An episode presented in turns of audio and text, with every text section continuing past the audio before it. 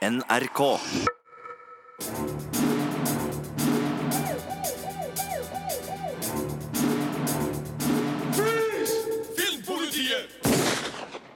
Velkommen til en ny podkast fra Filmpolitiet. I studio i dag Sigurd Vik. Og Marte Hedenstad. og Birger Vestmo.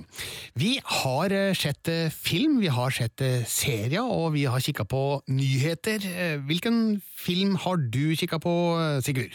Logan Lucky, som jeg har skjønt ikke er oppfølgeren til Logan med Wolverine i eh, hovedrollen. Jeg, had, jeg gikk nesten på, Det var noen som kommenterte sånn Å ja, så Logan har fått seg en oppfølger. Jeg bare sånn, Hæ, har Steven Soderberg laga en film som heter Logan før?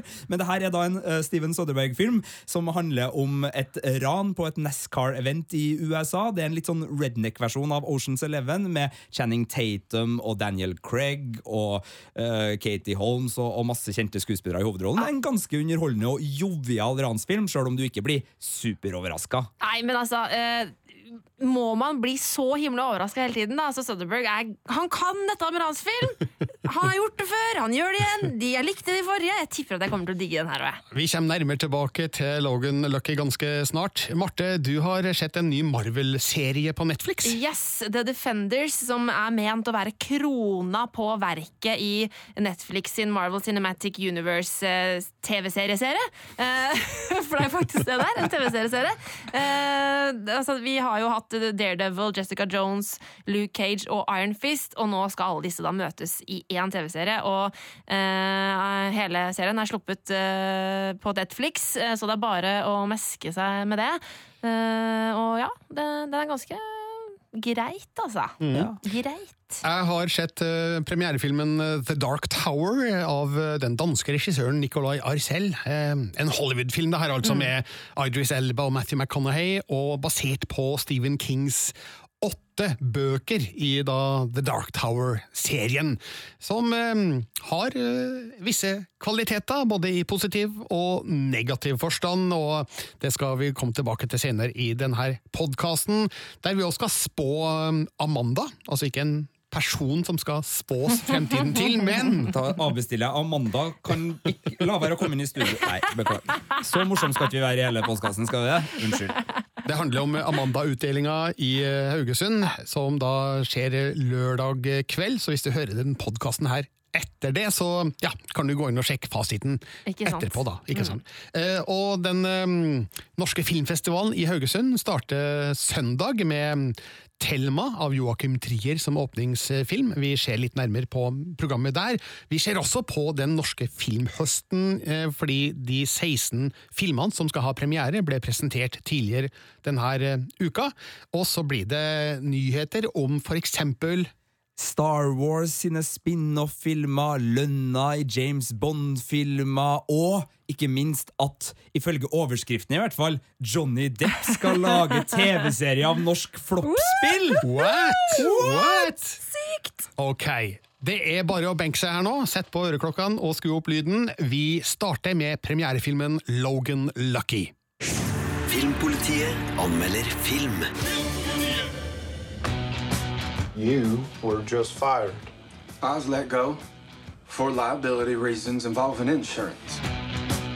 The one-armed bartender. The only guy who knows anything about blowing up real bank vaults is Joe Bang. Sigurd, det er du som har sett Logan Lucky, og hva er det her for en film? Det her er regissør Steven Søderberg, kjent for blant annet Oceans 11, Oceans 12, Oceans 13, uh, Magic Mike, Traffic osv. osv. Sex, løgn og videotaper, for de som husker den gamle Skikkelig old school. Ja, den er old school. Men en av de store regissørene som er da tilbake med en nok en ransfilm. Altså Logan Lucky er en redneck eleven, kan man si. Det er masse kjente skuespillere. Det er Channing Tatum, det er Daniel Craig, det er Adam Driver, det er Katie Holmes, det er Seth MacFarlane, som har laga Family Guy. Eh, og de følger da klassisk heist-filmoppskrift. Det er to brødre som er hovedrollene. Det er Jimmy, spilt av Channing Tatum, og Clyde, spilt av Adam Driver, som er de uheldige Logan-brødrene. Litt sånn eh, down on our luck, eh, arbeiderklassefolk i West West Virginia, USA, som eh, ja, mister jobben. eh, Lillebroren har mista arma i Irak, og så skal dattera til Channing Tatums figur kanskje forsvinne fordi mora vil ta med til en ny stat. Så, ja, det er litt sånn trasig. Hvorfor da ikke ran et NASCAR-arrangement? Selvfølgelig. Eh, ja, så logikken her, ikke den beste. Bakhistoriene, ikke de mest motiverte. Men, men vi skjønner i hvert fall hvorfor og hvordan, og at de er ganske godhjerta. Så har de fått med seg Dynamitt-Harry og Olsenbandens Egon Olsen i samme person, i Daniel Craigs Joe Bang, som er da en skikkelig sånn dynamitt-type som skal sprenge hvelvet. Sier han, ja. sier han 'I have a plan'? Nei, og der er vi jo inne på sakens kjerne. Nei da. Eh, men, men alt det her er noe du har sett før. Men det, det funker. Det som gjør den underholdende og god, er eh, Stjerneskuespillerne er i overskuddsmodus, så det er ingen som liksom eh, er anstrengt her. Alt, alle vitsene flyter. Seth MacFarlane er kjempeartig som sånn sprø racerbilsponsor, og det er mye som er svinger. Og så får Channing Tatum spesielt veldig mye å spille på, fordi han kan den der litt såre arbeiderklassehelten som eh, har stolthet, familieverdier og den der rufsete sjarmen. Så, så han er filmens lille sukkerbit i midten, og så er jo Adam Driver bestandig morsom, og han er liksom den der ubekvemme, litt sånn eh, keitete fyren fra, som vi kjenner fra Girls også her, da. Adam Driver, da er du med, Marte. Ja, herregud. Og Channing Tatum. Altså, vi har jo alle sett Magic Mike. Har vi alle sett Magic Mike? Jeg er litt usikker på Jeg så, jeg så, jeg så toeren. Magic Mike Ja, den er ikke like bra. Jeg, kan, jeg har ikke sett Titanic, eh, og jeg har ikke sett Magic Mike. Jeg må eh, bare eh, ærlig Du innrømme det. nevnte at de skal rane et NASCAR-race, og da, da våkner jo Days of Thunder-fansen her, Mm. altså meg, da. Er det noe bilrace i filmen? Det er skuffende lite. Det virker ikke som eh, Søderberg har prioritert det. Du får litt sånn eh,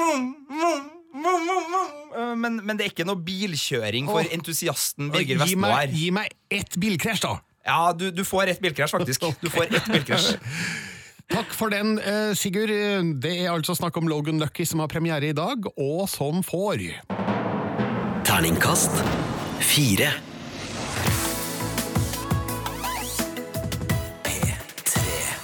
I morgen så er det klart for Amanda-utdelingen i Haugesund. Det er veldig spennende. Og Birger, dit skal du. Ja, jeg tok fram dressen i går og kikka over om det var noen flekker fra forrige gang den ble brukt. Og det var det.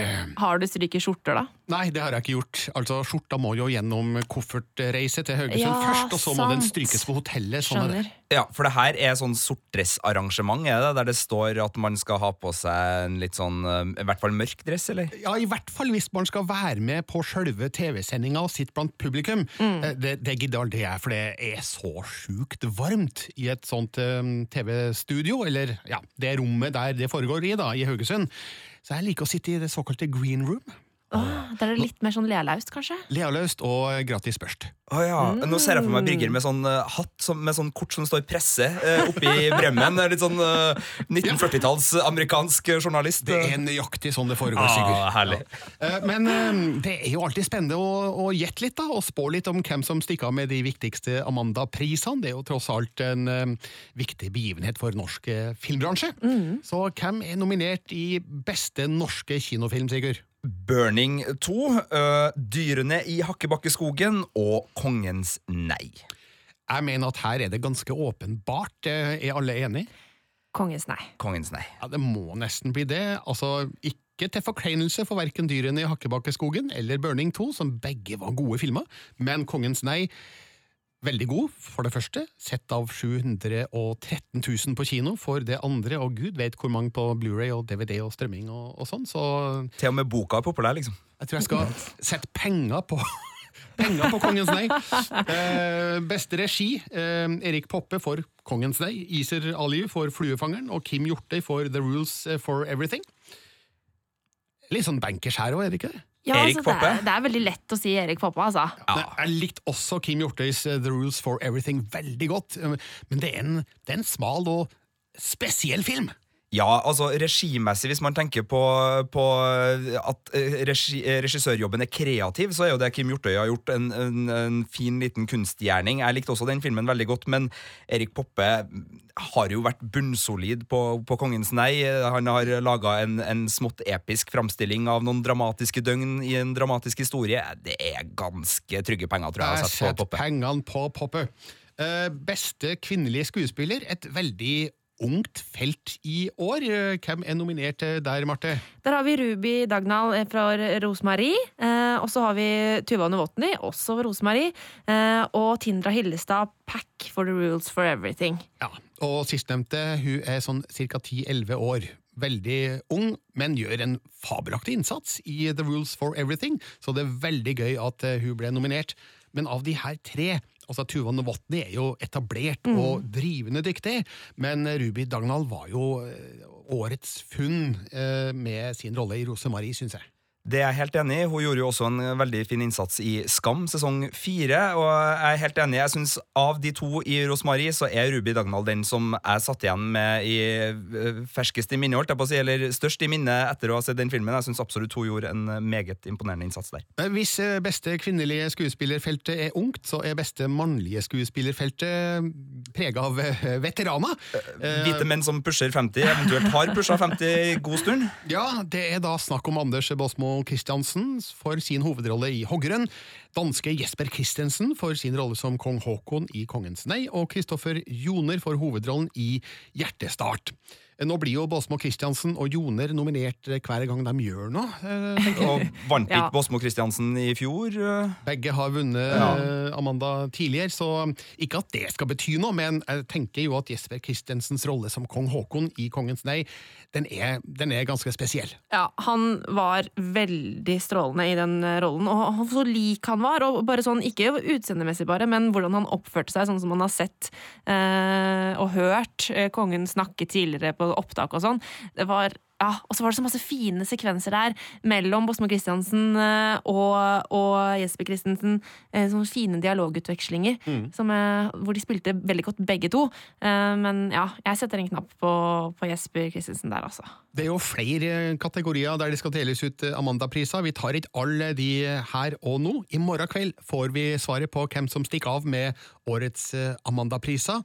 Det kan du se på TV2, og følg på nrk.no. Dette er Filmpolitiet. Filmpolitiet På P3. Du eh, skal jo til Haugesund, Birger. Vi snakka litt om Amanda-utdelinga i stad. Men det er jo ikke bare fest og svartdress med flekker som er filmfestivalen i Haugesund. Det er jo også det store utstillingsvinduet for de norske filmene som kommer utover høsten. Det er riktig. Det starter på søndag. Åpningsfilmen er jo da Thelma av Joakim Trier. En film som jeg har venta vel og lenge på, og ser frem imot med en god del spenning. Ja, altså Den høres så spennende ut. Det er litt sånn uh, mystisk, uh, overnaturlig opplegg. Det, det ser veldig veldig interessant ut, altså. Jeg syns overnaturlig romantisk thriller eh, Det er tre ord som ikke sånn veldig ofte står etter hverandre i filmbeskrivelser, men det høres jo ut som han har virkelig tenkt å gjøre et sjangerverk her som er eh, litt sånn kanskje nybrottsarbeid. jeg vet ikke. Ja, hva- altså, det som er spennende her, er jo at han er jo kjent for virkelig sterke dramafilmer, og Oslo 31. august den uh, rysta jo enhver som så den. Og eh, det var kanskje litt overraskende for mange at han annonserte at han nå skulle lage en, en mer sjangerbasert eh, film. Eh, jeg nekter å tro at han har gått helt i sjangerklisjéfella her. Eh, jeg har faktisk da prøvd å unngå å se klipp fra Thelma for å liksom spare filmen til søndag når jeg skal se den. Men jeg er spent på hva Joakim Trier har gjort her. En av Norges absolutt fremste regissører. Det er jo ikke den eneste sjangerfilmen av nye norske. Altså Når jeg ser en tittel som Vampyr-Vidar, eh, så tenker jeg at vi kanskje også eh, snakker om sjangerfilm. Ja, det er jo en eh, film som kommer fra et filmmiljø i Stavanger. UFO, et indie-filmselskap som holder til i oljebyen, eh, kjent for en del musikkvideoer, som f.eks. fra Kvelertak og, og Kaizers eh, Orchestra. Eh, Nå handler det da om en eh, 33-åring som er ungkarsbonde, seksuelt frustrert ifølge vaskeseddelen, som bor på gården til mora si, og så ber han da til høyere makter om eh, å få leve et litt mer spennende liv, eh, og dessverre så våkner han da og har blitt bønnhørt. Eh, Han har blitt vampyr. Det er jo sånn Sympathy for the Devil-vib her. Jeg hører jo bare liksom Rolling Stones-vibben begynne å rocke i bakgrunnen, og, og det er jo det klassiske 'selv sjela til djevelen' virker som vi får her. Eh, Jeg kjenner jo meg igjen både i 30-årene og seksuelle frustrasjon og alt det her, så jeg føler jo at det er en veldig sånn troverdig greie. Og Men det må jo være mitt Drømmer om å våkne opp som vampyr?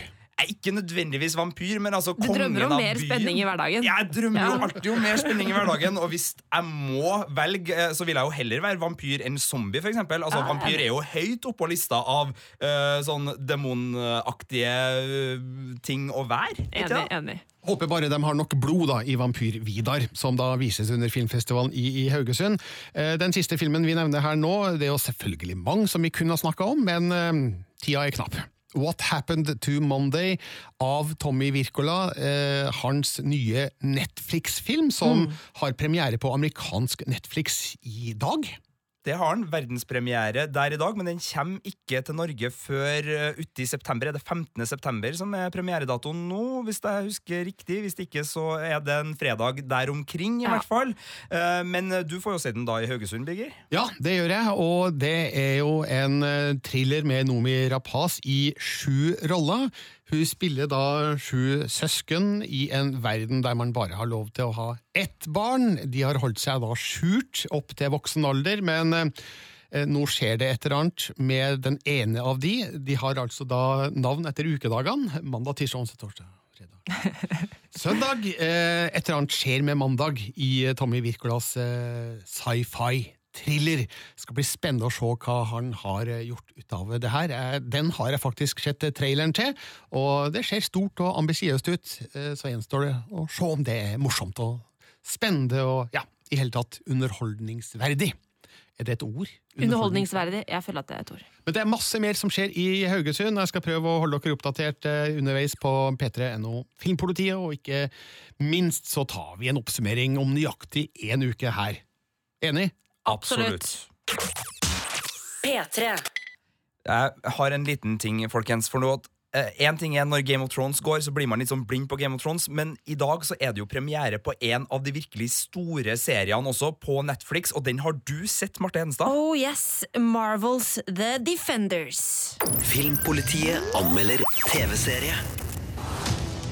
It doesn't matter. Can't fight these people.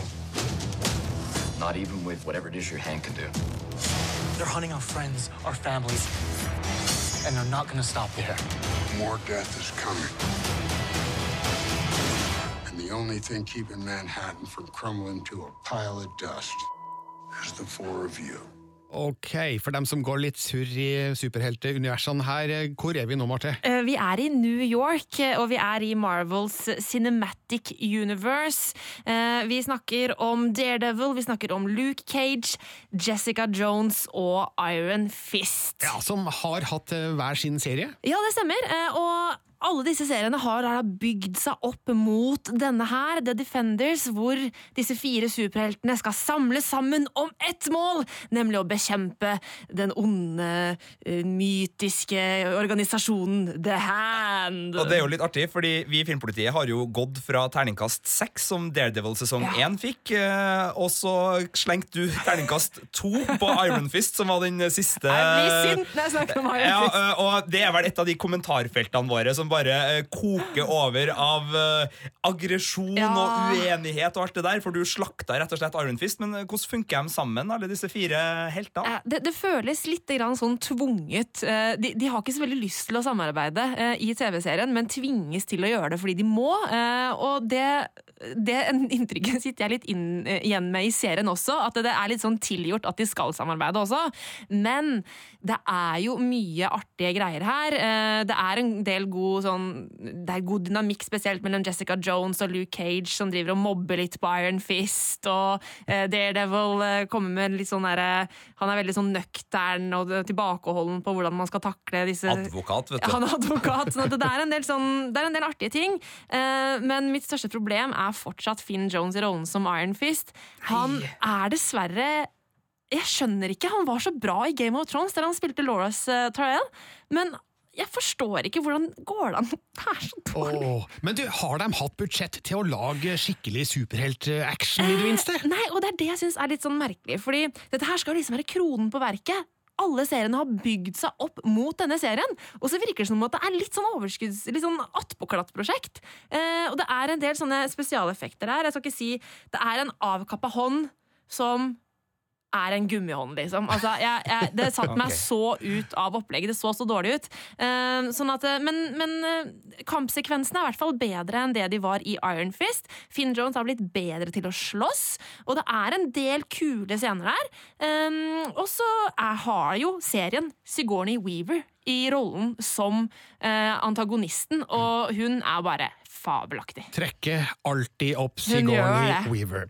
Uh, alt det her har premiere på Netflix i dag. Yes, jeg har sett fire av åtte episoder. Alle åtte ligger nå ute. Er det bare åtte? Det er bare åtte! Sigourney ah. ja, Fortsett! Fortsett! ja, ja, ja. Og eh, Marvels uh, The Defenders eh, får Terningkast fire. Dette er Filmpolitiet På P3. P3. Og da skal det handle om eh, norgespremieren The Dark Tower. Filmpolitiet anmelder film. Who are you? It's you. You're a gunslinger, right? There are no gunslingers. Not anymore. Why does the man in black want to destroy the tower? The tower protects both our worlds. If it falls, hell will be unleashed. The Dark Tower er altså da basert på en serie bøker av Stephen King. Jeg tror det er åtte eller ni stykker. Er det noen av dere som har lest dem, Sigurd og Marte? Jeg driver og leser den første boka, 'Gunslinger', ja. og koser meg med den. Eh, jeg er stor fan av Stephen King, eh, og det er også grunnen til at eh, The Dark Tower-filmen var noe av det jeg gleda meg skikkelig til i høst. Jeg har lest at Stephen King anser eh, The Dark Tower-bøkene som sitt eh, magnum opus, mm. og hvis det stemmer, da, den uttalelsen, så er det jo noe som eh, står høyt i kurs hos forfatteren sjøl. Så da tror jeg at forfatteren sjøl og alle fansen blir skuffa over eh, filmen. Ja, eh, du eh, har jo rett og slett eh, ikke slakta den, men, men sagt at det blir en, en nedtur. Jeg så, jo traileren, dessverre, og det anbefaler jeg ingen å gjøre hvis dere har lyst til å se filmen, for den avslører altfor mye. Men eh, Idris Elba ser jo veldig kul ut, og det ser ut til at det er bra action, og Matthew McConaughey Hei, hei, hei, er jo en, en fin hei. skurk. Hva er det som ikke svinger helt her? Altså, det er bare så tydelig at her er det et enormt univers som inneholder så mange forskjellige personer og sammenhenger, som er kokt ned til en veldig kort actioneventyrfilm på litt over eh, en og en halv time. Ja, Det er liksom bare trøkk alt uh, inni eh, en liten film, liksom. Ja, King har visstnok vært inspirert av blant andre Tolkien i- i forfatterskapet av disse bøkene, men det er lite som minner om Ringenes herre her, altså sånn i filmsammenheng. For det er fort og gæli, fokus på kun actioneventyr og veldig lite etablering av persongalleri og hele det universet da som actionhandlingene foregår i. Åh, så trist. altså Jeg driver jo som sagt og leser Gunslinger nå, og noe av det jeg liker best med den, er at det er så mange sånne betraktninger eh, og tankerekker om verdenen som Gunslinger befinner seg i, og alt mulig sånt der. Og det er veldig interessant. Og så det har de bare kutta rett ut, altså. Eh, Ja, Det er i hvert fall ikke med i denne filmen her. Nei. Eh, Nå er det jo godt kjent at etterarbeidet på The Dark Tower har vært vanskelig, med flere testvisninger som ikke har gått så bra, og så har de da redigert filmen mer og mer ned i etterkant for å ja, få til noe ut ut av det her, da. Så gudene vet eh, hva regissør Nicolay Arcel egentlig hadde tenkt. Jeg tror ikke at det var den utgaven av filmen som går på kino nå. En ting er jo den filmen her, men i likhet med mange andre så var jo det her tenkt som et utvida filmunivers, var ikke det? At det her skulle være startskuddet for noe mer? Det er i hvert fall et potensial i det, med at det er åtte eller ni bøker. Hvordan funker det som en sånn igangsetter, da? Um, nei, altså, det går an å gjøre mer ut av det universet her, det er helt klart. Men eh, da tror jeg de må rett og slett endre formatet og utvide scopet på filmen. Og gi tida til litt mer betraktninger rundt det som skjer, som du overhodet ikke får i den filmen her. Men når alt det her er sagt, så er det ting å sette pris på her. Altså, Idris Elba er jo som vanlig en imponerende skikkelse, og det er noen kule actionscener her med bra effekter og sånn for de som liker det. Eh, Jeg syns bare at du ser så tydelig at her kunne det ha vært så mye mer enn det vi får. Så Derfor så havner The Dark Tower eh, midt på eh, treet, og får Terningkast tre. Les mer om film, spill og serier på p3.no Filmpolitiet. Filmpolitiet hver fredag fra 11 til 1 på P3. Ja, så går dere på kino og ser The Dark Tower? Uh, jeg, Jeg tror jeg holder meg til boka, jeg. ja, jeg tror jeg dropper, men jeg har et tips. da Kan ikke HBO bare ta over og lage serie av det etter at Jo. Game of Thrones er ferdig? Ja? Seriøst. Skal se, du Å, skal se at det er det som blir løsninga. Meld inn det, ja. Vi har tatt en kikk på ukas viktigste nyheter fra filmfronten, og vi starter hvor hen, Sigurd? Star Wars. Dere skulle sagt det skulle sagt i en galakse langt, langt borte! Jeg har sparken, beklager. Takk for meg. Det var koselig å kjenne okay. Men hva skjer i en galakse langt, langt borte? En ny spin-off-film er på horisonten. Hollywood Reporter, en ganske troverdig aktør på det store internett, melder at det kan komme en Obi-Wan Kenobi spin-off-film. En egen Obi-Wan-film! Kan komme, altså hvor sikre er vi på, på det her? Altså, Det har vært rykter i årevis, har ikke det? da? Så at det nå er liksom såpass massivt at både Empire, som er det store britiske filmmagasinet, og Hollywood Reporter melder det, så er det jo en viss tyngde bak det. Det ryktes også at det er en regissør tilknytta det. Det er Stephen Daldry, som har drevet og laga The Crown for Netflix, denne TV-serien, og har laga Billy Elliot, blant annet. Litt sånn snedig valg i så fall, men eh, Ja, men nå har jo snedige valg eh, vist seg å gi uttelling i flere andre store effektfilmer. Altså, Kenneth Brandag laga hva var det, Askepott. Ja, stemmer det. Mm. Uh, og um, hvem flere? Kom igjen nå. Uh, snap, snap, snap. Uh, altså Jeg skulle bare si at Snedige valg også har ført til at veldig mange har fått sparken de siste årene, blant annet på Han Solo-spin-off-filmen som Ron Howard var nødt til å ta over. Så Men nå er jo Stephen Daldry en dreven veteran, mens Phil Lord og Chris Miller er jo nybegynnere, egentlig. Pluss at hvem vet, eh, det kan jo bli en dansefilm. Altså en ung Obi-Wan som danser seg gjennom gatene på ja, Tatooine. eh, og skal lære seg å bli jedi. Ja, ok, ikke hyr inn meg på manus. Men eh, hva tror vi blir Altså historien, det er vanskelig å si, da, men blir det da rett og slett med Ewan McGregor som Obi-Wan? Altså, hvis det skal handle om eh, altså, tida mellom den, den gamle og nye trilogien, da må det jo være Ewan McGregor som spiller. Men hvis det skal bli en sånn eh, Obi-Wan som ung, da kan det jo, da kan det jo være en, en annen skuespiller inne i bildet. Ja, da. Da blir det Tom Holland. Eller, eller noe sånt. Vi tar gjerne imot en Obi-Wan-film, det er klart. Ja, ja, ja. Og så har vi fått eh, nytt om Kristoffer Joner, som driver og rører på seg på den internasjonale arenaen. Ja, veldig, veldig gøy. Han har bekrefta overfor Stavanger Aftenblad at han er med i Mission Impossible 6. Det er kult. Han har spilt inn scener med Tom Cruise. Ja, det er kult. Det er morsomt. Og det syns han sjøl også. Ja, absolutt. Han sa at han, hadde han har jo vokst opp med Tom Cruise, og for han så er dette her en stor opplevelse. Eh, og jeg kan tenke meg altså Jeg tror Joner var sånn ni eller ti år da den første Tom Cruise-filmen kom ut. Så var det sånn, Tenk å få spille i samme film som en av, et av sine idoler, liksom. Men må Tom Cruise stå på en eh, eske for å bli høy nok til å spille mot Kristoffer Joner? Hvor høy er egentlig Kristoffer Joner? Godt spørsmål. Nei, jeg tror kanskje de er litt jevnhøye. Normalt høy, vil jeg Ja. si. Mm. Men det er, ja, det er jo utsatt, da, må vi jo si, innspillingene også Ja. i Norge. For det skal jo filmes muligens da på Prekestolen, men Tom Cruise har jo vært i en liten stuntulykke? Jo, han hoppa mellom to bygninger, riktignok med eh, reip på ryggen, eh, i kran og greier, men han, eh, han brakk rett og slett ankelen da Ja. han krasja inn i veggen på den andre sida, som sikkert veldig mange har sett video av, for det ligger ut på sosiale medier. Eh, Ja. Um, så åtte uker pause har de nå, før innspillinga starter på nytt igjen. og Da får vi se åssen det går med innspilling på Prekestolen i Rogaland, der um, de etter planen skulle filme om ikke så veldig lenge. Hvordan er været der om åtte uker? Sludd, kanskje? Ja, han gir jernet, i hvert fall. da. Ja. Men det blir gøy å se hva det blir av um, Joners rolle i Mission Impossible 6. eh, Fire innspillingsdager. Det, det vil nok muligens bety at det ikke er en sånn kjempestor rolle, da. Ja, og håper han får mer skjermtid enn han fikk i The Revenant med Leonardo DiCaprio. Ikke minst. Filmpolitiet. Does that sound good to you?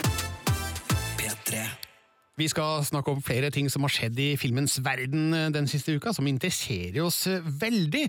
Og vi skal først innom eh, et prosjekt som har connection både med data og TV, Marte. Ja, fordi at Johnny Depp han skal produsere en TV-serie basert på det norske spillet The Secret World, lagd av Funcom. Det kom i 2012. Det her var den virkelig storsatsingen til Funcom, et MMO-spill eh, som var veldig engasjerende, syns jeg. Eh, jeg ga det terningkast fem.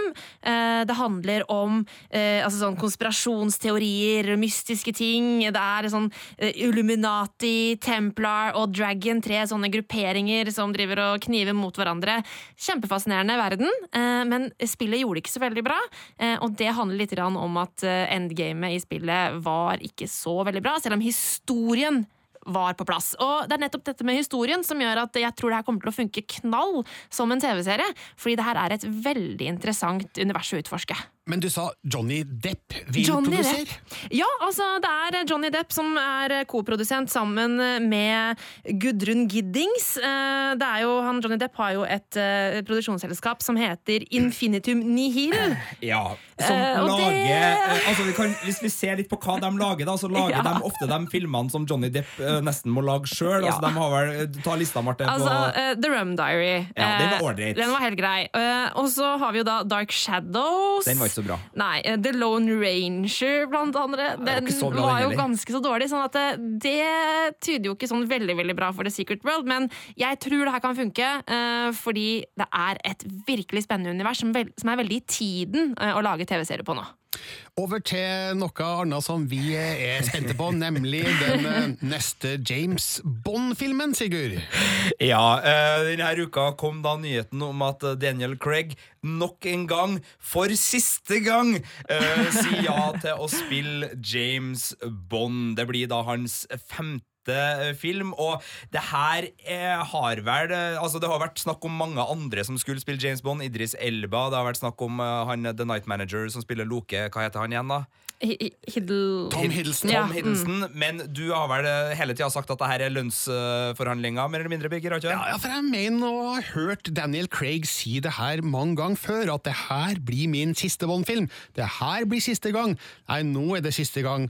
Og jeg tenker at det er bare lønnsforhandling, hele greia. Jeg har uh, i, i den anledning sjekka litt tall, og nå må dere eh, bære med meg, for jeg har ikke tilgang til lønnsslippene til alle de her. Men hvis vi starter på James Bond-lønn, så fikk Sean Connery 17 000 dollar for å lage Dr. No i 1962. La oss hoppe fram til hva Pierce Brosnan fikk. Han fikk 16,5 million dollar på den siste eh, Die Another Day-filmen han laga. Daniel Craig starta på usle 3 millioner dollar, men uh, fikk da 24 millioner for uh, Spekter-filmen, og ryktes nå å få hele 100 millioner dollar for den neste, altså ifølge britiske tabloider. Disse tallene er ikke justert for inflasjon, må jeg jo bare si! Ja, det, det tror jeg ikke de er, men, eh, men uansett, den summen han får nå, hvis det er riktig Det er her, Han kan jo kjøpe seg en middels god fotballspiller i England for de pengene. Det er jo helt eh, vanvittig. 17 1962-dollars, jeg vet ikke hvor mye det er, men det kan umulig være så mye som 100 mill. Men hvem er den beste James Bond? Må vi liksom ta opp dere Det er Sean teite Connery. Det er jo Sean Connery. Det er Sean Connery, Ja, det er selvfølgelig er det det. Men når det er sagt, så ser jeg gjerne både én og to filmer til med Daniel Craig, altså Enig. før de finner på noe nytt. P3. Filmpolitiets Game of Thrones-podkast.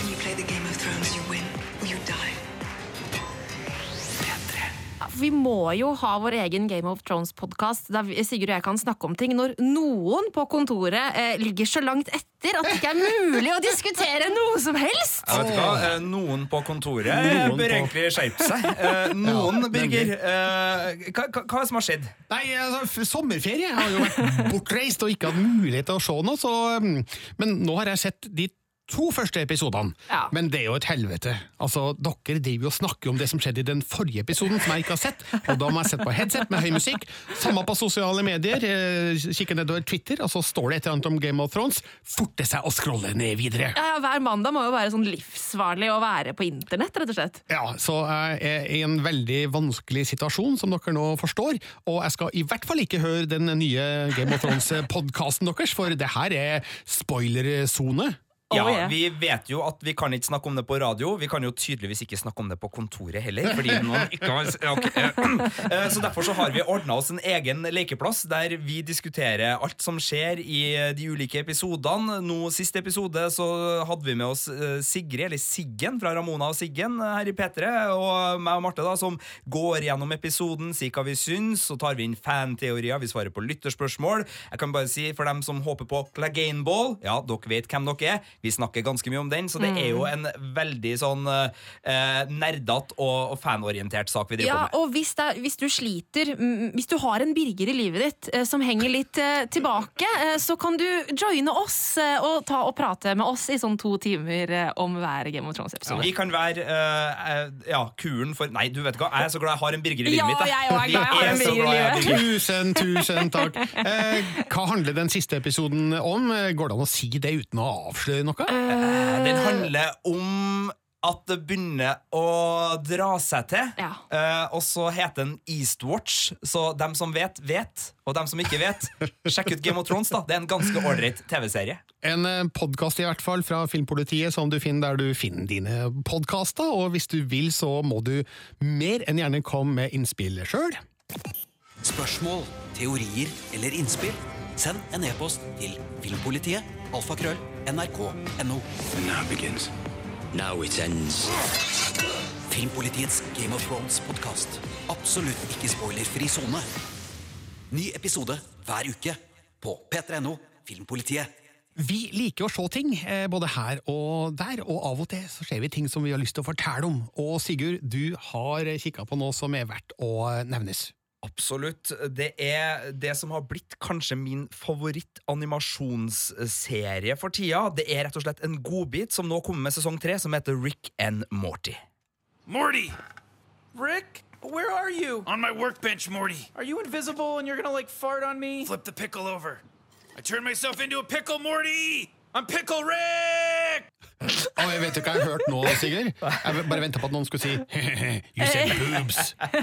jo, men det er det som er så fint da Eh, Til alle som ikke har eh, sett Rick and Morty før eh, Så er det da en animasjonsserie Om Morty og bestefaren Rick Som drar på eventyr sammen Rick er da kanskje verdens smarteste fyr eh, Også en alkoholisert, rapende, gal vitenskapsmann Eh, Så det er liksom bare surrealistiske eventyr Som er premisset her De bor selvfølgelig klassisk eh, amerikansk eh, animasjonsserie i en familie Så familien er støttespillerne Men det er de to her som er eh, sprø Og eh, det har tatt over fra South Park har blitt litt sånn sløva de siste tida, så jeg syns liksom at eh, det er artig, men det er ikke så artig lenger. Rick and Morty nå er det sprøeste, det ekleste, det villeste, det mest makabre og det mest referansesterke der ute.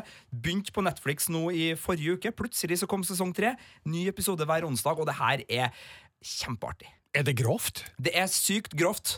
Eh, og så er det artig. altså De har sånn Madmax-parodier blant annet i en hel episode, der de bare liksom gjør alt det som ikke skjer i Madmax, i forhold til å bare drepe de her stakkars menneskene som har det vondt og har masse sånn postapokalyptiske hjelmer på hodet, og så tar de av dem hjelmene, og så har de rare barter. Nei, det, det er bare herlig sprøtt, da. Det er Monty Python, South Park, Family Guy og alt det her, eh, bare blanda med enda sprøere hoder. Ja, for han bestefaren, Er ikke han en sånn skikkelig rasshøl, egentlig? Jo, jo, jo, Han bare sett litt på det sånn, eh, av og til, og han er jo sånn herlig drittsekk, og det er så morsomt. Fullstendig usensurert og, og nådeløs. Og det er jo det at de også er så smart, for det er jo vitenskap og masse sånn parallelle univers og ulike dimensjoner og masse sånn der. Så uansett på en måte hvor du ligger hen i realfagsorienteringa di, så finner du noe å flire av eh, på det her, da. Jeg spurte om det var grovt, fordi eh, ja, som dere vet, jeg er jo litt eldre enn dere, og jeg har en 14 år gammel sønn hjemme som elsker Rick and Morty. Og så har jeg tenkt at eh, å, så hyggelig at han sitter og kikker på en tegneserie. Og, Oi! eh, sorry, bør han junior. egentlig Bør han egentlig se Rick and Morty? Altså, Jeg mener jo at aldersgrensa er veiledende, uh, uh, så jeg sier ja. Eh, men altså, det, jeg skal ikke oppdra din sønn, Birger. Det, det, skal, det skal ikke jeg. Men Kanskje det er- du skal ta over? Ja, altså, Da blir det jo en rungende ja da, på, på det her. Så, men altså, Hadde du digga å sett dette i den alderen? Jeg hadde elska Rick and Morty om jeg var eh, ja, fra i hvert fall tolv år og oppover, og kanskje litt ja. Men er det grovere eh, og mer sjokkerende enn det South Park var da det kom? Eh, Det er eh, mer grafisk med blod og sånn på en måte. Samt, hei, herlighet, det var jo rotta som drev og gnagd på Kenny hele dagen lang. Nei, det er ikke så mye verre enn South Park, altså. Oh, takk. Og hvor går Rick and Morty? Det går på Netflix. Nye episoder hver onsdag. En varm anbefaling. Filmpolitiet. Dette er P3. Tidligere denne uka ble de 16 norske filmene som skal ha premiere i høst, presentert i Norsk Filminstitutts regi i Oslo. Og jeg tenkte vi kunne se litt på hva vi har i vente, Sigurd og Marte. Eh, Vi har jo allerede snakka om eh, Thelma, som åpner filmfestivalen i Haugesund. Den har premiere 15. september. 29. september, da kommer Askeladden i Dovregubbens hall. Forventninga til den? Ja, absolutt, fordi jeg eh, elska jo eh, Ragnarok-filmen. Eh, Som er da forrige film til regissør Mikael Brenne Sandemose. Eh, og eh, hvis vi får en live action eventyrfilm som både på en måte tar det der litt sånn blockbuster eh, opp opplevelseselementet inn i det litt sånn humoristiske Askeladden-land, så tror jeg vi kan ha en skikkelig skikkelig godbit som også kan fungere internasjonalt her, altså. Ragnarok det var den filmen jeg ikke gadd å se fordi at traileren avslørte hva det store mysteriet var. Så da eh, valgte jeg å ikke se den i protest. Eh, Men det bør jeg kanskje angre på nå. Da. Kanskje jeg bør ta og se den før eh, Askeladden. Altså, Hovedrolleinnehaveren het Sigurd. Nei, altså rollefiguren het Sigurd, så det er mulig at jeg er såkalt biased. Men jeg, jeg syns eh, Ragnarok var en artig film. Birger, du anmeldte vel eh, for oss, ikke ikke? Ja, jeg syns det var en god sjangerøvelse med mye spenning, gode effekter og eh, godt skuespill, også fra de yngste. Så eh, det her var populært for også ungdom og, og voksne. Nå har jeg sett traileren til Askeladden i Dovregubbens hall, og nå skal man være litt forsiktig med å trekke ut ifra en trailer hvordan en film skal være. Men det så stort ut. Masse effektfulle klipp, og ja, i hele tatt en, en eventyrverden som ligger kanskje tett opp til det man hadde forventa av en eh, norsk eventyrfilm. Men eh, jeg så ikke noe til den derre humoren og den herre eh, komiske svungen som man Mm. kanskje hadde håpa at en sånn film kunne ha. Og det er jo litt rart, for Askeladden er jo veldig altså, humoristiske eventyr. Det er veldig mye morsomt i, i de gamle folkeeventyrene, så hvis de har mista det på veien, så er det litt trist. Ja, men Det er jo ikke sikkert at det ikke Neida. er der fordi at det ikke var med i traileren. Neida, neida. Norske trailere har en tendens til å være litt sånn svære og pompøse Ja, og blåser seg litt mer opp, kanskje, enn uh, filmene gir grunnlag for. Ja, og det er jo veldig trist å høre at eh, de blåser seg så opp og har med så mye at Marte Henstad ikke har lyst til å se Ragnarok. Nei, fordi men at, altså, eh, nei, men, jo, De jo. viste jo Ja, det jævla jævla fuckings monsteret, eller hva det var. Altså, det var jo sånn Hva er det? Hva er det skjulte mysteriet? Hva er det som skjuler seg? Hva er det dette betyr? Og så bare kommer det der dyret dyret i traileren. Det er bare sånn Det, jeg har det samme problemet med Dark Tower-traileren, Ja. som jeg har nevnt flere ganger på kontoret. Og som jeg sier til det kjedsommelige Jeg trodde liksom vi hadde kommet forbi det greia der vi avslørte hovedpoenget med traileren. Men, eh, Avsløre ja. tvisten, liksom. Ja, Ja, det, men du vet, det funker. Det, det, det, det fungerer. Altså, det, får flere. Ah. det får flere folk til å komme og se filmen, så hva skal man gjøre? da? Skal man lage en, en trailer som ikke avslører noe? Alien-traileren, du husker den? Av, ja, det var en annen tid, Marte. Ja, jeg vet. Men, eh, Alt var bedre men jeg er jo enig med deg at det er jo, det er jo en uting. Ja, det er men det. hvis da eh, produsentene sitter der og vet at hvis Mm. vi tar med den tvisten i traileren, så får vi garantert 40 000 flere på kino. Folk er enkle og vil bli fortalt hva de skal se, rett og slett. Det, det er noe sånt, ja. Dessverre. Så vi, vi får egentlig la være å se trailers. Ja, Eh, det tror jeg er lurt. Unntakene er jo de virkelige storfilmene, sånn som Star Wars. Der vet man at folk kommer uansett. Der behøver man ikke å eh, avsløre noe. Altså, The Force Mm. Awakens-traileren, hvis det hadde vært en liten drittfilm, så Mm. hadde de vist at uh, Han Solo ble, ble ja, lei den skjebnen han lei. Ja. Nå, nå måtte jeg passe meg så at det ikke er avslørt her. For Snart to år siden, Birger. Det må, være- det må være lov å si at uh, Luke Skywalker har en far, og det må være lov å si hva som skjer med Han Solo okay. i The Force Awakens. What?! Men uh, der må jeg bare si James Bond løste det helt nydelig på Spekter, forrige James Bond-filmen, for der var det en sånn trailer som dyrka stemninga. Mm. Og ikke handlinga, og Mm. det syns jeg er veldig fint. Men igjen, fordi de kan. Folk kommer på James Bond. Gåten Ragnarok eh, måtte kanskje gi det de hadde av eh, lokkemat til eh, publikum, og det funka! Jeg husker ikke nå hvor mange Ja, som så den på kino, men det var mange Mm. som så den på kino, og um, det var jo fortjent at den fikk gode publikumstall også. Jeg får sjekke den ut. Uh, Når det gjelder Askeladden i Dovregubbens hall, som vi starta med her, så jeg vet ikke om uh, man egentlig kan spoile handlinga i Askeladden, med mindre de eh, tar seg store friheter da, i forhold til eventyra som Asbjørnsen og Moe samla inn. Men eh, nei, jeg er spent på åssen det her funker på, på film da, i, i stort format. Det, det ser imponerende ut på traileren, så vi får se 29. september om eh, det her er en knallfilm. Vi går videre i den norske filmhøsten og eh, nevner kjapt at 6. oktober kommer Elias og Storegaps eh, hemmelighet, eh, animasjonsfilm for barn. Samme dag kommer Hva vil folk si? Og det er en film som det knyttes forventninger til. For det her er jo da den nye filmen fra den norske regissøren Iram Haq, som imponerte med debuten Jeg er din for fire år siden. Eh, Og det er jo en tidsriktig handling i Hva vil folk si? Ja, absolutt. Eh, Det er, handler om Nisha, som er 16 år, og, og har dette dobbeltlivet. Altså hjemmefamilien, så har hun den tradisjonelle rollen eh, som pakistansk datter, men når hun er ute med vennene sine, så er hun eh, veldig sånn norsk ungdom eh, og, og, og, og friere. Sånn at eh, den konflikten der er jo noe som sikkert kanskje mange kan kjenne seg igjen i, og som er veldig spennende å, å utforske på film, da. Mm. Og allerede klar for Toronto må jo også nevnes. Vi har jo Mm. snakka litt om den filmen her uh, tidligere i, i Filmpolitiet, og det er jo en eh, film vi, vi ser fram til å se, og som jeg tror vil bli en av de som preger filmdebatten uh, Ja. i høst. Eh, Den er vel også delvis uh, eh, basert litt på Iram Haqs eh, egne opplevelser også, har jeg forstått, så, så det er jo en personlig film òg, og jeg tror det er eh, ja, viktig, viktig sak, det her. Ja, og eh, et poeng her er at eh, det her er den eneste filmen i høst som er regissert av en kvinne. Så, altså mm. i norsk sammenheng, da. Ja. Eh, enda en grunn til at Hva vil folk si eh, eh, møtes med stor spenning 6. oktober. 27. oktober, Karsten og Petra lager teater, den sjette kinofilmen om dette venneparet. Um, Og den andre med nye barneskuespillere, hvis jeg ikke husker helt feil. Ja, For De skifta jo ut eh, rollegalleriet der. Det er riktig. Ehm, jeg har også da blanda litt eh, datoene her, ser jeg. For 20. oktober, altså uka før, eh, er det premiere på Skyggenes dal i regi av Jonas Matsov Gulbrandsen, som vi ikke veit så fryktelig mye om, Sigurd?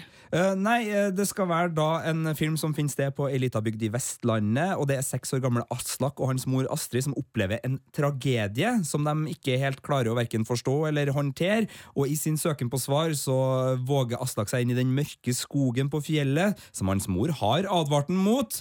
Eh, men er det fantasi eller virkelighet det han møter der? Det stiller da vaskeseddelen spørsmålstegn ved. Ja. Men eh, eh, en litt sånn, virker jo som å være en litt sånn sår barneskildring da, som tar opp vanskelige ting og setter inn i en fantasiverden. Jeg vet ikke, jeg, ET, The Extraterrest... eh, ter- ja, altså, det er jo en kjent greie. Stranger Things gjør jo jo noe av det samme. Altså, det kan være bra, men jeg aner ikke om det her er en lun familiefilm, eller om det er litt mer eh, utrygge marker som skal pløyes her. Eh, Men eh, Gulbrandsen er en veldig ung regissør, som han gjør vel sin debut med denne filmen. Så... Det liker jeg at du sier, for han er jevngammel med meg, så tusen Ja. takk. Ja. En ung, ung og lovende regissør. Jo, men altså, det blir spennende å se. Laga en god kortfilm før, men det her blir spillefilmdebuten. Mm.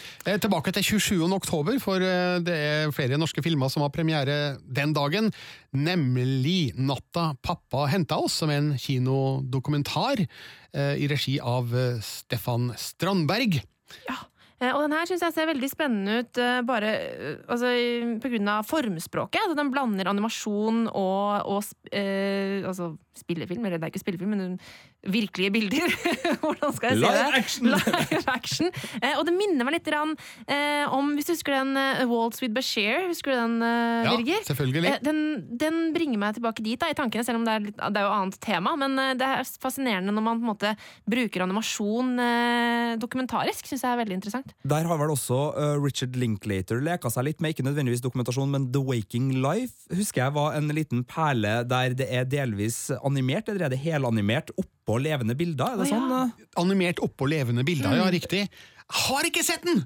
Jeg er jo ekstremt stor fan av Richard Linklater, men Har har ikke sett Skal jeg ta den med på kontoret i morgen? Kan jeg få låne? Ja, ja, ja. Fikse The Waking Life til jeg i morgen. Nei, i morgen, sier jeg. Det er jo lørdag. fredag! Ja, Ja, ja, ja. Mandag, mandag. Birger. Ja, men da er jeg i Haugesund. Neste mandag, Birger. Neste, neste mandag, det er riktig. Um, også 27. oktober, Gjengangere. Hva slags film er det, Sigurd? Eh, Det er vel Norges første fengselsfilm, er ikke det? Skal, det er i hvert fall eh, det Det de vel- reklamerer for. Det var vel en eh, film om eh, Bastøy som eh, kom Ja, noen år siden. på Filmweb så står det Jeg tror det er Norges første fengselsfilm som er tagline. Ja, Det er de selger det inn ja, som de det, selger inn men, som det. ja. Men det er Leon Bashir, kjent fra annet Syv søstre og Tomme tønner og en rekke filmer, som er regissøren her. Og det skal handle om yrkeskriminelle Josef, som har tilbrakt mesteparten av livet i fengsel. Og etter at hans yngre bror dør som en konsekvens av hans livsstil, så øh, raner han en bank og havner i fengsel igjen. Og bak låste dører møter han en yngre gutt, Chris, og han gjør det han kan for å oppdra den naive Chris, da, som trekkes mot den kriminelle verden, og, og prøver å sørge for at han ikke da havner i et uh, liv av kriminalitet. Altså, det er jo en ganske klassisk fabel. Eh, kan funke, uh, kan også f- havne i en del sånn eh, lite originale troper. eh, så Ja, fengselsfilmen har eh, sine klisjeer. den har det, og det har også den der 'du må ikke gjøre gjør som jeg sier, ikke som jeg gjør', ja. type moraliserende pekefinger som eh, kan komme der. Men samtidig Uh, hvis det liksom funker sånn à la type The Night of The Wire, altså dem som klarer å få uh, de, oss, ikke minst, altså HBO-klassikerne her Hvis de klarer sånne miljøskildringer, så er vi jo i himmelen. Men jeg har ikke sett så mye at norsk film klarer slike miljøskildringer nødvendigvis, så en liten sånn uro i magen for at det kan bli litt uh, sett det før. Men tror du de har såpa i dusjen? Birger Vestmo. Det er et godt spørsmål. Det er et viktig spørsmål. Eh, Er ikke det en fengselsfilmklisjé? Jo, Jo, det det er det. det. det. Det er Eller, det er mer en myte, kanskje. Uh, Eh, jeg vet ikke. Jeg ser forresten at eh, Leon Bashir han har jo da skrevet manus, han har eh, regien, han er produsent, og han spiller hovedrollen sjøl. Jeg lurer på, har han cateringen også? Det kan være. Men uh, jeg liker jo folk som tar i et tak, og det er det jo tydelig at han gjør her. Så, og det kan jo bli eh, skikkelig realt. Gjengangere har premiere 27. oktober, og uka etter, eh, 3. november, da kommer det en uh, potensielt eh, juleklassiker, eh, nemlig Juleblod. Ja. eh, eh, altså, det, finnes jo de som mener, og her er folk uenige, men altså, eh, Black Christmas var det vel en film som het, som anses å være en, sånn, eh, en av de pionerfilmene innenfor slasherfilmen eh, som kom i 73, så vidt jeg husker. Sånt, som er en sånn der eh, masse jenter som bor i et sånn college dorm, og så er det en morder som går utafor og stikker dem med noe sånn der krystall... Det er lenge siden jeg har sett den, men altså, juleskrekkfilmen er jo kul. Eh, og juleblod, der da altså nissen, seriemorderen Nissen, eh, som har ramma Norge eh, hver julaften i over 13 år, eh, skal slå til i Nord-Norge. Altså det er jo Reinert Gill det her, og øh, han har jo laga noen interessante sjangerfilmer Ja. tidligere. 'Huset' var jo forrige film, den likte vel du ganske ja, greit? jeg øh, ble skremt av huset, men nå er jo jeg relativt lettskremt. Men eh, jeg syns den var fin. Ga den terningkast eh, fire. Og også Hora og Ja. Inside the Mm. Whore, som vel ikke gikk på kino, men er, skal vi kalle det undergrunnsfavoritter Ja. på DVD. Ja. Så Ja, juleblod eh, kan bli en litt sånn morbid, eh, morsom, eh, altså sorthumoristisk slasherfilm. Da ser jeg for meg. Jeg skal i hvert fall se den. Det er en sånn film som jeg vet at jeg skal se. Og det er også en sånn fin kvalitet når man sitter og ser gjennom sånne lister som, som filmhøstlista her nå er. Eh, man merker seg de der eh, Å ja, ja, ja. ja. Den- Den skal jeg sjekke ut. Det betyr ikke at det blir bra, men den skal jeg sjekke ut. Ja. jeg ser at på rollelista så finner vi blant andre Stig Henrik Hoff, Frank Kjosås, Truls Svendsen og Thomas Fellberg. Jeg vet ikke hvem som spiller hvem her, men enn om Truls Svendsen spiller nissen? Det hadde vært artig. Det ser også ut på det lille bildet som er med, at det er en litt sånn der 40-talls-stil over det hele. Litt sånn sort-hvitt foto. Eh, og jeg får jo sånn Henki Kolstad-vibb her, og litt sånn uh, Leif Juster-assosiasjoner, samtidig som det ligger et sånn her Hollywood-film noir-drag over. Så det er mye tolkning ut fra et lite bilde, men eh, ja, det Ja, er men spennende. Det, det er muligens Stig Henrik Hoff som skal spille nissen. Vi, vi forventer å se 3. november, altså. Juleblod i regi av Reinert Kiel. 10. november, da kommer Rett Vest i regi av eh, Norges eh, mestarbeidende regissør, går det an å si det? Det går det an å si. Hvor mange filmer har godeste Dalbakken laga ja, de siste Altså, årene? Henrik Martin Dalsbakken eh, laga to spillefilmer i fjor, og én kortfilm. Ja. Eh, nemlig Cave og Sensommer. Og så husker jeg husker ikke i farten hva kortfilmen het, men det er jo en produksjon som ingen er i nærheten av da i norsk eh, filmbransje. Og han har jo eh, bare én film på gang i år, da, nemlig denne Rett Vest, men eh, to eller tre på gang neste år. Så her jobbes det. Blant annet med en av Skam-skuespillerne i en eh, litt spennende rolle. Og et mulig comeback for den erotiske thrilleren. Jeg vet ikke, Det, det ser litt bra ut, men det har ikke noe med denne filmen å gjøre. Altså, det er hans Ja, neste okay, for det her, er, produksjon. det her Ja, er jo en morsom feelgood-film, eh, rett og slett. Så nå skjønte jeg ikke helt hva Nei, nei, du var på, skulle med erotisk thriller. Her. Ja, men Det handler altså da om Kasper, spilt av Benjamin Helstad, som eh, mister jobben sin. Og samtidig som det her skjer, så eh, får eh, faren hans, Georg, spilt av Ingar Helge Gimle, et eh, mentalt sammenbrudd. Han er for øvrig også transseksuell. Og så bestemmer de seg for å komme seg unna alt det her og legge ut på tur. Eh, Og jeg antar at det går da, som tittelen sier, eh, rett vest. Men eh, mer om handlinga vet vi ikke akkurat nå. Nå fikk jeg litt sånn Little Miss Sunshine-tanker oppi hodet. For det er litt sånn der, psykisk sammenbrudd, legge ut på en reise, feel good likevel. Altså, det der høres bra ut. Fra The Straight Story til Little Miss Sunshine. Vi snakka om at fengselsfilmen har noen klisjeer. Det er vel ikke fritt for at Dalsbakken her også beveger seg i eh, både handlingsmønster og rollefigurtyper, altså ty- typer, og, og um, handling som kan uh, tilfelle uoriginale manus. Uh, og jeg er jo spent når han skrur opp produksjonen såpass mye. Det har jo funka varierende, syns jeg, så langt. Jeg syns jo Sensommer var knallgod. Der traff han både med en litt sånn der uh, psykologisk thrillerbit, og, og, og Den franske landsbygda funka bra. Cave var vel ikke din favorittfilm fra fjoråret, Nei, men den hadde sine øyeblikk, og er jo velfungerende som ren sjangerøvelse. Ja, Men det det ikke er tvil om i min bok, er at det her er et ø, veldig stort talent som virkelig kan å lage film. Jeg bare håper ikke at han har det så travelt at han ø, gjør noe som kunne ha blitt fantastisk til noe ordinært, når han har det såpass travelt som han er. Men, uh, men det, det vil jo tiden vise, og jeg elsker jo hans engasjement, og jeg elsker jo at man kan få en såpass ung regissør som lager seg et ø, stort ø, på en måte verk av arbeid som, så, såpass tidlig. Det, det syns jeg er helt ja. nydelig. Jeg digger Dalsbakken. Jeg liker den her stå-på-viljen som han åpenbart eh, Mm. har. Han bare går ut og lager film, og trenger ikke noe støtte engang. Jeg vet ikke om han har fått støtte til noen av filmene sine så langt heller. Altså, Nei, den her har vel fått støtte i og med at den står på NFIs liste. For f.eks. eksempel uh, Vampyr-Vidar er jo ikke med her, det, men det er mulig den ikke får premiere for uh, at det er derfor den ikke er med. Jeg vet ikke, Er det noe sånn at uh, det her er de norske filmene som har fått støtte, og at uh, de uoffisielle, liksom de som ikke har fått noen kroner fra det offentlige, ikke står på den lista? Du, vet du hva? Mm. Jeg må søke Vampyr-Vidar. Nei, altså, det ser vel kanskje ikke ut som at den skal ha kinorelease, men eh, den vises da altså i filmfestivalen eh, i Haugesund, som vi snakka om eh, tidligere i, i podkasten. Det er da fremdeles november i vår oversikt over den norske filmhøsten. 17. november kommer Ekspedisjon Knerten, som da er en ny film i Knerten-serien, som man sikkert forstår. Andreas J. Riise har premiere på den. 24. november norsk grøsser. Det er ikke ofte vi får det, så ja takk til flere norske grøss. Hjemsøkt med Synnøve Makodi Lund i hovedrollen. Regi Carl Christian Rabe.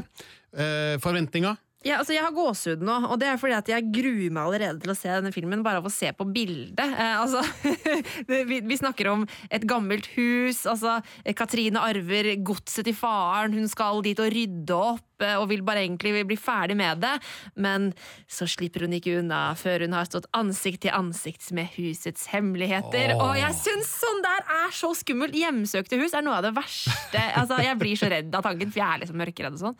Åh, Gurland, dette blir spennende. Jeg husker Det er en film eller serie som har eh, svidd seg inn i hodet mitt, eh, og det er fordi Jeg husker ikke hva det var, men det var eh, noen som bodde på et rom, og så viste det seg at døra, som var ei sånn gammel dør, hadde ei plate uh, i midten som så ut som en del av døra, men så tok de bort den plata, og så så de sånn neglemerker som noen hadde prøvd å klore og komme seg ut av det her rommet. Og det er bare sånn, Hver gang jeg bor på et rom der jeg ser at det er ei sånn dør, så kommer de der tankene og bare sånn Nei, nei, nei. nei, nei, nei, nei, nei, nei, guffet, ass. Men du skvetter jo besett mye, Marte. Du, kan du fortelle hva som skjedde da jeg skulle vise deg traileren til Annabelle 2 her på kontoret om det, i, her om dagen? Sigurd skulle klippe altså Vi legger ut sånne videosnutter på Facebook, og da skulle hadde Sigurd klippet et lite sammendrag av traileren til Annabelle og lagt litt tekst på og gjort det litt fancy på Facebook.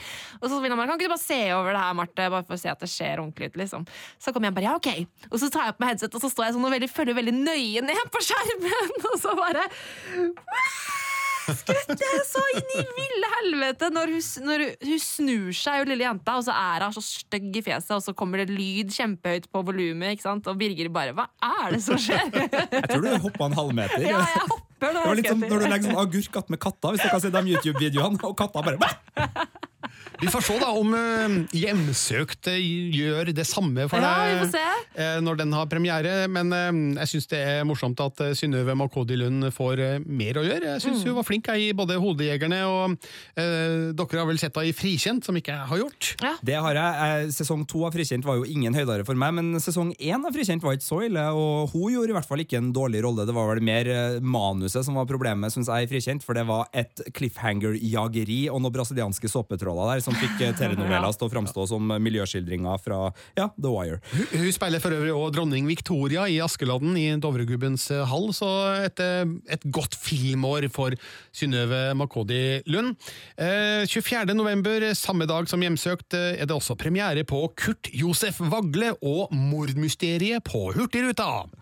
Ny film fra eh, skal vi kalle dem Kill Buljo-gjengen? Ja, med Wirkola i registolen denne gangen òg, ikke det? Ja, det skal visst være det. nå gjorde jeg en del søk på nett da produksjonen starta, og så, så, ville de ikke helt si hvem som hadde regien. Um, de hadde en regissør på plass, men ville ikke gå ut med navnet. Så, men det står eh, Tommy Wirkola nå, og ja. jeg regner med at det er han som har regien. Men jeg tenkte at det her kanskje var en sånn Hollywood-greie, at han kunne ikke gå ut og eh, ja, si at han holdt på med andre ting, eh, kanskje? Nei, muligens. Jeg vet ikke. Jeg skal spørre når jeg møter henne i, i, Haugesund nå. Han skal jo dit på filmfestivalen og vise nettopp uh, denne filmen. Nei, ikke denne filmen! Han skal vise What Happened to Monday, sorry. Men uh, han har altså hatt tida til å lage en, uh, en film til, da, ja. i mellomtida her. Og det er en lavbudsjetts liten film vi, vi har i vente, etter det jeg kan forstå. En lavbudsjetts 3D-film? For det her skal jo da være Norges første 3D-film. Hva syns du om det? Nei, var ikke Legenden om Furheksa som var det? Nei, jo, Kurt Josef Vagle og Mordmysteriet på Hurtigruta. NFI skriver at det er Norges første 3D-film.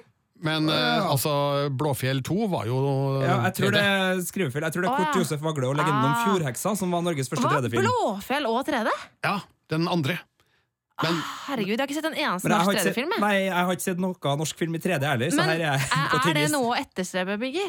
Nei, altså, det er vel mer en gimmick, eh, med mindre de har funnet på noe veldig morsomt eh, å bruke 3D-teknologien til, da. Men eh, hvis Ja. det er 3D her, så er det jo plutselig ikke så lavbudsjetts lenger, er det Nei, det? men du, jeg, jeg er surrehue. Eh, Det står jo at det er oppfølgeren til Norges første 3D-film. Ja.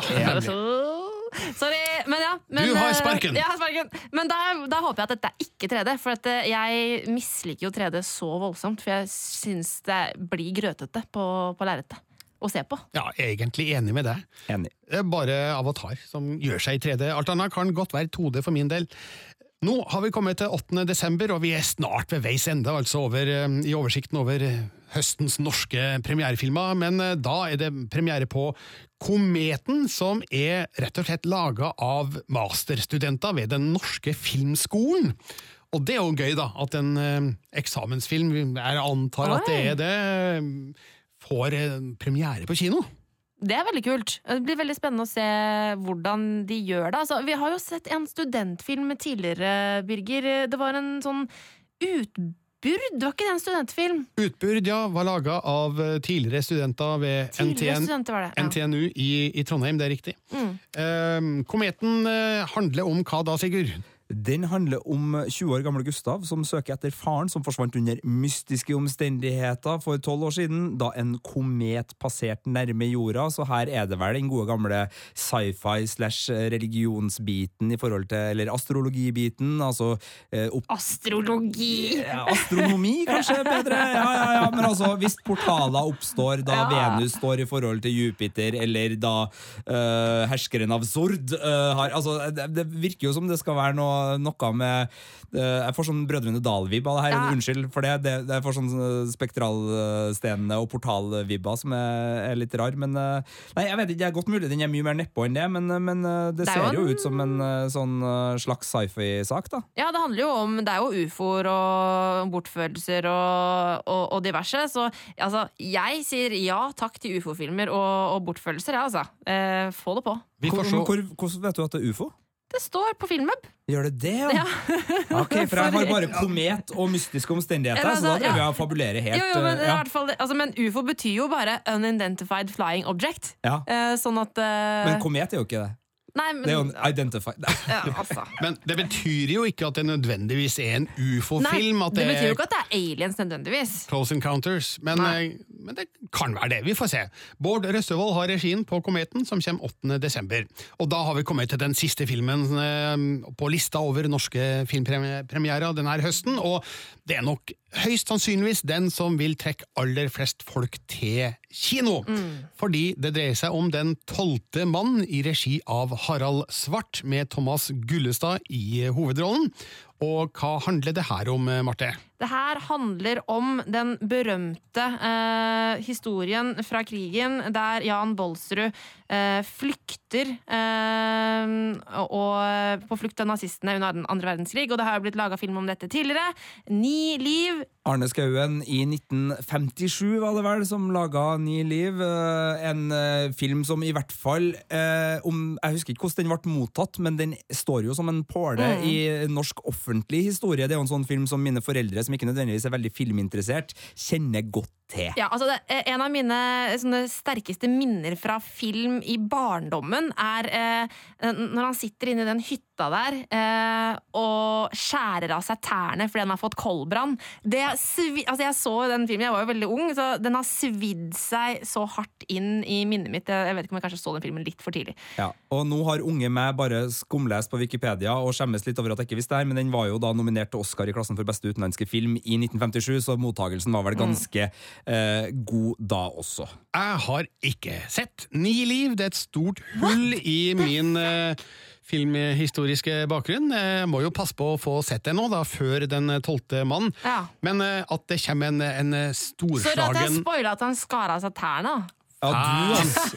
Men altså, historiske film kan Ja, ikke, ja, nei, kan ikke altså, spoiles. Det, det, det er ikke lov å kalle det spoiling når man avslører historiske begivenheter, mener jeg. Altså, eh, Hæ? kongen, kongen sier nei. Eh, Hæ?! Sa kong Håkon. Nei. Men det at Harald Svart lager storslagen krigsfilm i Norge, det syns jeg er veldig kult. Og de bildene som er sluppet så langt, tyder jo på en virkelig storslagen film, for Ja. å bruke storslagen-ordet en gang til. Med mm, en interessant eh, rollefigur, altså valg av skuespiller i hovedrollen. Eh, Thomas Gullestad er jo kjent for andre ting enn eh, skuespill. Eh, Men han ser jo ut som han har rollen inne da, i de klippa, sjøl om vi aldri hører han snakke i traileren. Litt spent på om han egentlig kan snakke, men jeg antar at eh, vi på et eller annet tidspunkt får høre eh, Jan Bolsrud si noen ord, da. Men utseendemessig så ser det her veldig lovende ut. Veldig spennende, altså. Den har premiere 25. desember, Den tolvte mann, i regi av Harald Svart, og eh, jeg spår at uh, det her kommer til å bli den mest sette filmen som hadde premiere i 2017, altså med tanke på norsk film, da. Ja. Og kanskje blir det den mest sette også, vi husker jo åssen det gikk med Kongens nei i fjor, den havna vel på 713 000 på kino og sikkert like mange på Blu-ray og DVD og, og, strømming. Så nei, jeg syns det her er lovende. En god del godbiter i vente, som sikkert kommer til å glede og, og skuffe og forarge og i hele tatt eh, gi oss en del å diskutere i senere podkaster. Ja.